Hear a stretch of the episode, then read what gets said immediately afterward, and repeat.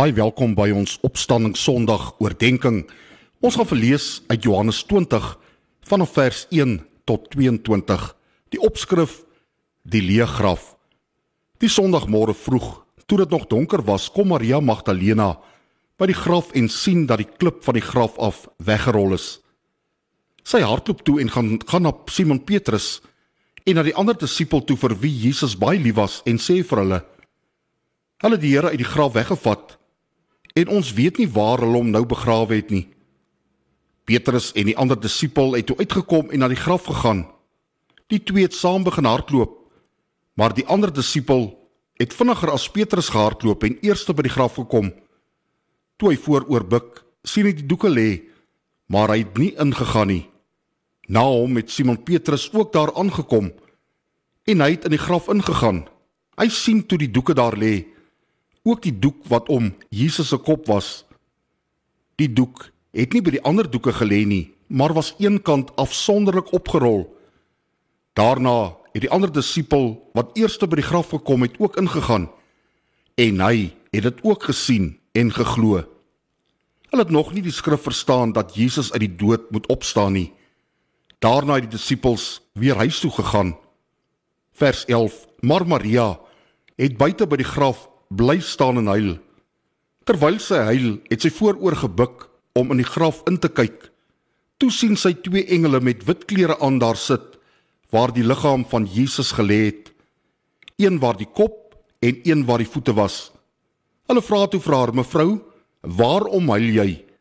Sy antwoord hulle: "Omdat hulle my Here weggevat het en ek weet nie waar hulle hom nou begrawe het nie." Na sy dit gesê het, het sy omgedraai en vir Jesus daar sien staan, maar sy het nie geweet dat dit hy is nie. Jesus vra haar toe: "Mevrou, waarom huil jy? Vir wie soek jy?" Sy het gedink dit is die tuinopsigter en sy het vir hom gesê: "Meneer, as u hom weggevat het, sê vir my waar u hom begrawe het en ek sal hom daar gaan haal." Jesus het vir haar gesê: "Maria." Sy draai na hom toe en sê in Hebreëus vir hom: "Rabboni." Dit beteken leermeester. Jesus sê toe vir haar: "Moet my nie vashou nie, want ek het nog nie na die Vader toe opgevaar nie. Maar gaan na my broers toe en sê vir hulle: Ek vaar op na my Vader toe, wat ook julle Vader is, na my God wat ook julle God is." Maria Magdalena het toe vir die disippels gaan sê: "Ek het die Here gesien."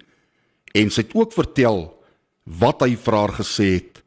Dan vers 19, daardie Sondag aand was die disippels bymekaar. Alhoewel die deure gesluit was omdat hulle bang was vir die Jode, het Jesus gekom en tussen hulle gaan staan en vir hulle gesê: "Vrede vir julle." Nadat hy dit gesê het, wys hy sy hande en sy sy vir hulle. Die disippels was baie baie bly toe hulle die Here sien. "Vrede vir julle," sê hy weer vir hulle. "Soos die Vader my gestuur het, stuur ek julle ook. Nadat hy dit gesê het, blaas hy oor hulle en sê: Ontvang die Heilige Gees. Tot sover die woord van die Here vanoggend.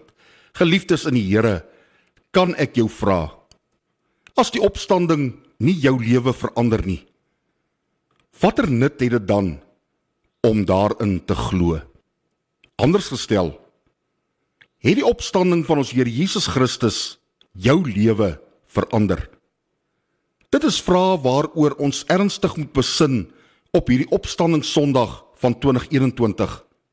Daarom kan ek jou weer vra: Watter verskil maak dit in jou lewe dat jy in die opstanding van Jesus Christus glo? Indien jy dit wel glo. Dis hoe belangrik en ernstig die opstanding uit die dood van ons Here Jesus Christus is. Dit gebeur toenemend dat mense die kerk verlaat, ook predikante, omdat hulle nie meer kan bely dat hulle in die fisiese opstanding van Jesus Christus glo nie. Opstanding Sondag word deur baie nie nie noodwendig uitgelig as 'n besondere gebeurtenis nie. In elk geval nie in vergelyking met die kruisiging op Goeie Vrydag nie. En miskien lê die rede daarvoor in twee teologiese tradisies professor Adrieu Konig wys daarop dat die westerse tradisie veral konsentreer op die kruisgebeure, die offer van Jesus, sy kruisiging en sy sterwe ter wille van ons. Terwyl die oosterse tradisie meer klem lê op die opstanding, die oorwinning oor die bose en alle ander magte, lewe en krag en hoop. Miskien wonder jy ook, maar watter verskil maak dit? Dink jou 'n oomblik in in die disippels se posisie. Daar sit hulle die Saterdag na Jesus se kruisiging, verward, bang. Hulle is onseker. Hulle wonder of hulle fout gemaak het om alles te gelos het en Jesus te volg. Wat van hulle vroue en kinders? Wie gaan nou vir hulle sorg? Moet hulle teruggaan na hulle vorige beroepe? Hulle moes waarskynlik wanhoopig, moedeloos en teleurgesteld gevoel het.